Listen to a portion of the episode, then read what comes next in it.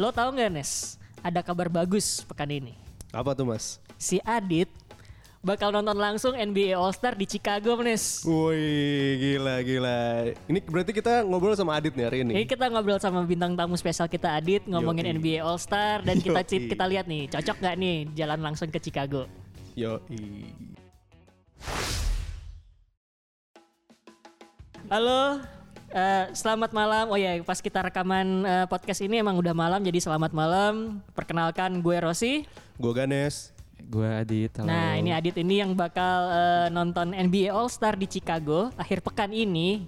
Gila, gue bangga banget. Jadi Adit ini udah hampir 4 tahun nulis basket gitu. Dia konstan banget gitu jagain tulisan-tulisan basket di kumparan. Akhirnya dapet reward nonton NBA All Star langsung gila. Oke, beda dari biasanya pembahasan dari tim sport kali ini nggak bakal bahas soal bola, kita bakal bahas soal basket, bakal bahas soal NBA All Star dan kita cek juga cocok nggak sih eh, pilihan pemain-pemain dari tim LeBron dan tim dari Janis. Janis. Janis. Oke, Dit, Ga- Adit dulu deh, jangan Ganis dulu. Adit, Oke, siap. eh, menurut lo secara umum pandangannya gimana nih ngelihat NBA All Star tahun ini? Em, tadi gue sempat mulai eh, ngobrol sama Ganes sebelumnya bahwa sebenarnya NBA All Star 2020 ini dibalut duka sebenarnya kan. Beberapa minggu sebelumnya itu kita dibalut duka buat pencinta basket NBA Yes. khususnya. Jadi agak berkecamuk lah di ada emang ini harusnya disenang-senang tapi juga di selain sisi kita juga berkabung di sana gitu. Gitu sih. Jadi secara umum NBA All Star ini bakal lebih menarik karena kita ada hal-hal yang lain yang kayak apa sih yang bakal dipersembahkan NBA nanti waktu tribute buat Kobe gitu kan. Iya. Gitu sih. Eh, selain Kobe ada buat Gianna juga ya? Iya Gianna juga Ah. putrinya sama tujuh korban yang lainnya. Gitu. Eh, gue gue denger cerita gini, Dit. Eh, NBA All Star kali ini berbeda dibandingin tahun lalu karena mainnya di Chicago karena untuk mengambil market anak muda katanya gitu. Nah, Iya. eh, lo sendiri lihat NBA All Star tahun ini hype-nya seperti apa sih? Apakah nurun atau emang lebih baik ketimbang tahun lalu? Terlepas dari eh, ada tribute buat Kobe ya. Hmm. Oke, dari segi animo menurut gue emang makin naik ya mas, Hmm. karena banyak pemain-pemain muda eh, kayak Doncic, Trae Young dan Jason Tatum kayak gitu mulai dapet tempat di NBA All Star gitu Oke. ya. Nah, enggak kayak enggak kayak beberapa musim lalu kayak cuman eh, LeBron lagi, Hmm. eh, Steph Curry lagi gitu Hmm. kan. Nah, jadi kita disuguhkan su- nuansa, nuansa baru lah gitu. Oke, sekarang gue nanya ke Ganes nih. Nes, eh, kita ngecek eh, bahas tim nih. Di timnya LeBron ada Kawhi Leonard, Doncic, ada Harden, ada Davis, ada Damian Lillard. Yang biasa aja kayaknya malah tim Giannis nih. Lo bisa bedah dikit nggak tim LeBron kekuatannya apa, sementara tim Giannis kekuatannya apa nih? Eh, gue nggak tahu sih ya kenapa Janis ngedraftnya agak-agak underwhelming sih menurut gue. Iya. Kayak dia bisa lah ngambil lebih banyak star gitu. Soalnya dari Janis kan eh, starternya aja Joel Embiid. Oh, Embiid masih oke gitu. Hmm. Tapi sisanya kayak menurut gue Siakam, Walker. Siakam sama Walker itu mungkin dia bisa dapet Doncic gitu Mhm. di situ gitu kan. Gue membedah dari kekuatannya aja sih sebenarnya lebih bagus dan lebih dalam timnya LeBron gitu. Oke. Itu itu eh, timnya LeBron tuh kayak bener-bener all star sesungguhnya gitu dibandingkan Giannis. Giannis juga mostly tuh pemainnya dari wilayahnya dia gitu, wilayah Oke. timur kan.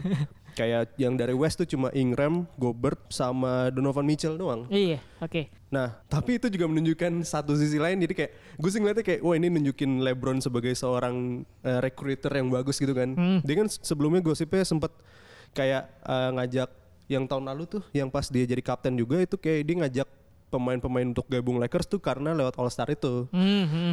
Tapi ini di satu sisi juga nunjukin kalau misalnya LeBron itu emang menang dengan dikelilingin pemain-pemain bagus. Oke. Kayak misalnya di zaman di Cavaliers dia baru juara sama pemain-pemain kayak Kyrie Irving dan Kevin Love. hmm. Di Heat juga ada Chris Bosh sama si siapa Dwayne Wade. Di Lakers juga gitu dibutuh star baru. Sementara Giannis kita lihat gitu kan di Bucks tuh nggak ada star yang benar-benar stand out buat nemenin dia Iya. gitu.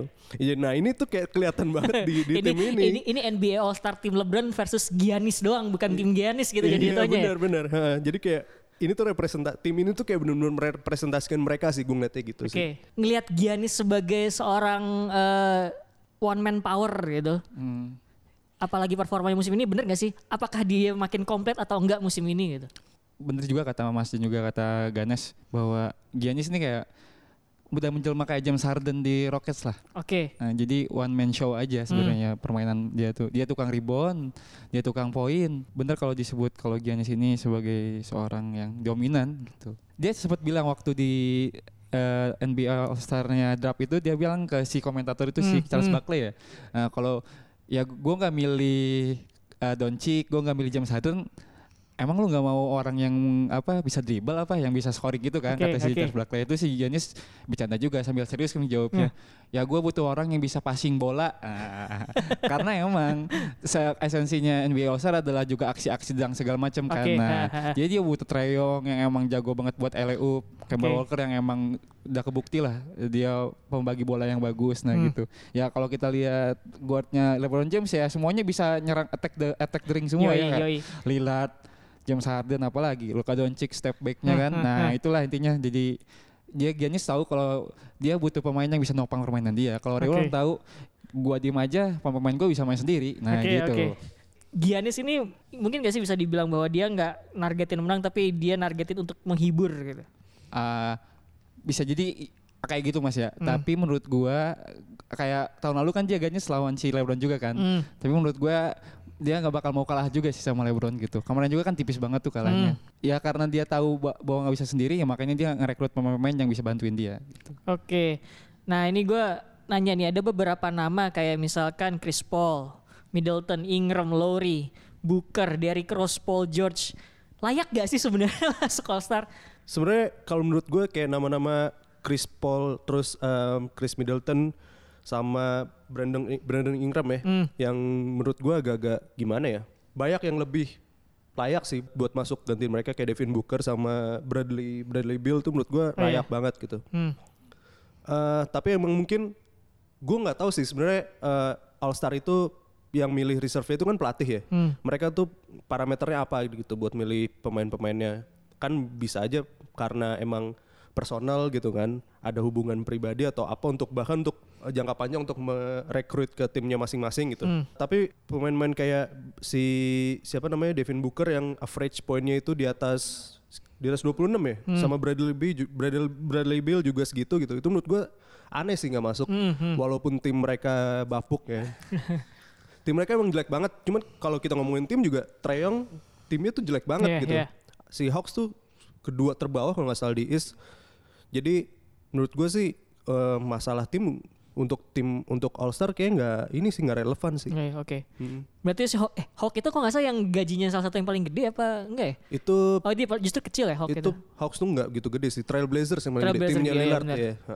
Ada apa aja sih di selain itu? Oke ada dunk contest, ada three point. Oke, gua mau nanya Adit, lo apa yang diharapin dari dunk contest kali ini? Ada Dwight Howard, ada Aaron Gordon, ada Pat Connaughton. Oke. Ya, eh, Lu bakal nonton langsung. lo lo harus menjawab. Lu gue lo gue pengen lihat apa sih ini di dunk kayak gini Oke. atau lu, pengalaman lo ngeliat kontes dunk sebelumnya dari jauh tuh? Oke. gue seneng banget karena Dwight Howard akhirnya balik lagi ke sebuah kontes gitu Nah. kan. Eh, yang gue harapin sih dia masih bisa nunjukin atletisme atletismenya ya, maksudnya dia sekarang masih kelihatan banget dominan di bawah ring. Jadi gue Hmm. pengen ngelihat dia. Sebenarnya gue berharapnya finalnya sama Gordon itu si Hmm, eh, Aaron Gordon itu ya. Oke. Eh, satu senior, satu lagi rising star lah gitu. Nah, Mhm. dia dalam beberapa musim terakhir ikutan kontes ini eh, ketatnya sama Jess Levin malah ya. Jadi gue berharap si siapa tahu Dwight Howard eh, pakai kostum Superman lagi kan, iya. terus lompat 2 meter lebih gitu kan, ringnya dinaikin lagi. Nah, gue Hmm. berharap sih dia entertainnya lebih ken- lebih kenceng lagi dengan adanya dia sih Hmm. gitu. Jadi nggak cuma sekedar kayak gue bilang eh, ada tren kan, ada beberapa tren ke belakang tren belakang ini yang ikutan dalam kontes ini adalah orang-orang yang small man gitu. Iya iya. Donovan Mitchell gitu kan, nah, ya kayak pemainnya OKC itu. Nah jadi kayak gue pengen orang-orang gede ini ya mereka main lagi gitu. Oke. Nah semacam gitu. Kalau Aaron Gordon sendiri menurut lo gimana? Gue kasihan sih sama dia, sama, dia sih sebenarnya ya. Karena dia tuh bagus. Dua musim ikutan bagus. Tapi dia lawannya Jess Levin yang emang lebih eksplosif ya. Mhm. Dia kalahnya sama lompatan Jess Levin yang di free throw itu gitu. Nah Oke. jadi gue gak ada Jess Levin. Gue berharap dia bisa nunjukin yang lebih eksplosif lagi sih dia Oke. gitu. Makanya gue pengennya final aja sama Dwight Howard gitu. Oke, terus ada siapa lagi sih di kontes ini? Eh Derrick Jones ya? Derrick Jones nah itu wah, gila juga sih dia orang tuh. mi- eh, ya eh, small man-nya small forwardnya Miami ya kenceng apa vertical jamnya tinggi banget ya Hmm. dan juga musim lalu juga bagus tapi belum beruntung gitu Hmm. Oke. paling juga Terakhir siapa? Oh, Connaughton. ya ini dia menariknya karena kulit putih ya Nas ya nah jadi jarang banget ngelihat eh Oke. dunk kontes ini seorang kulit putih ya ikutan dunk kontes apa dia bisa ngelawan tiga lawan yang ini yang yang si Gordon kan sebenarnya campuran ya Hmm, hmm, Gordon kan betul. campuran nah jadi uh, Derek Howard sama Jake Jones kan udah jelas nah kan kayak gitu mungkin Ganes punya pandangan lain ya Oke, kalau menurut lo Nes, eh, dunk contest sama nggak opini lo terkait kayak Adit gitu? Sama sih gue excited sih karena nama-namanya sebenarnya lebih exciting daripada tahun lalu ya yang si Hamido Diallo sama gue lupa bahkan siapa aja gitu. Eh. sama Derek Jones dan dua lagi sisanya gue lupa. Oke. Nama-namanya lebih keren sekarang. Aaron Gordon kita udah tahu lah maksudnya yang pas dia dang em, sambil duduk itu itu keren Iya, banget iya, sih. iya. Itu menurut gue kayak itu bener-bener dia harusnya menang sih di situ. Walaupun si Zach Lavin juga gokil di situ, tapi menurut gue sih Aaron Gordon yang mesti menang dan itu salah satu dunk contest bahkan dunk contest terbaik yang pernah gue tonton gitu. Makanya gue excited excited gitu karena ada dua orang yang semestinya bisa jadi juara di sini. Ada Dwight Howard yang pernah juara, ada Aaron Gordon yang mestinya jadi juara dan Derrick Jones juga bagus. Nah sama ini Connaughton itu dia di Bucks walaupun kelihatannya dia tuh gue sih ngeliat dia lebih kayak perimeter shooter gitu mainnya tapi ternyata gue liat apa highlight highlightnya lumayan eksplosif gitu. Jadi kayaknya sih ya mestinya sih menarik gitu. Oke.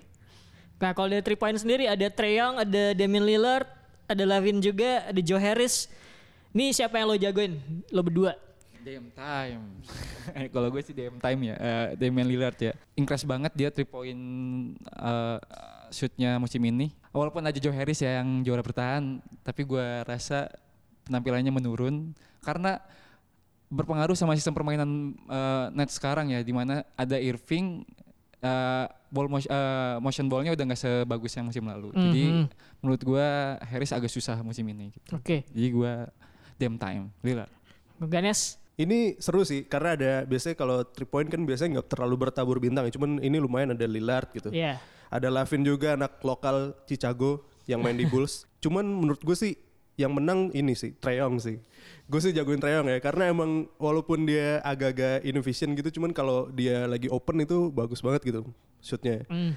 Cuman ini biar ini aja sih biar seru aja sih biar nama yang keren yang tenar aja gitu yang, yang menang. So tahun lalu kan yang menang Joe Harris gitu kayak aduh ini siapa nih Joe Harris nih.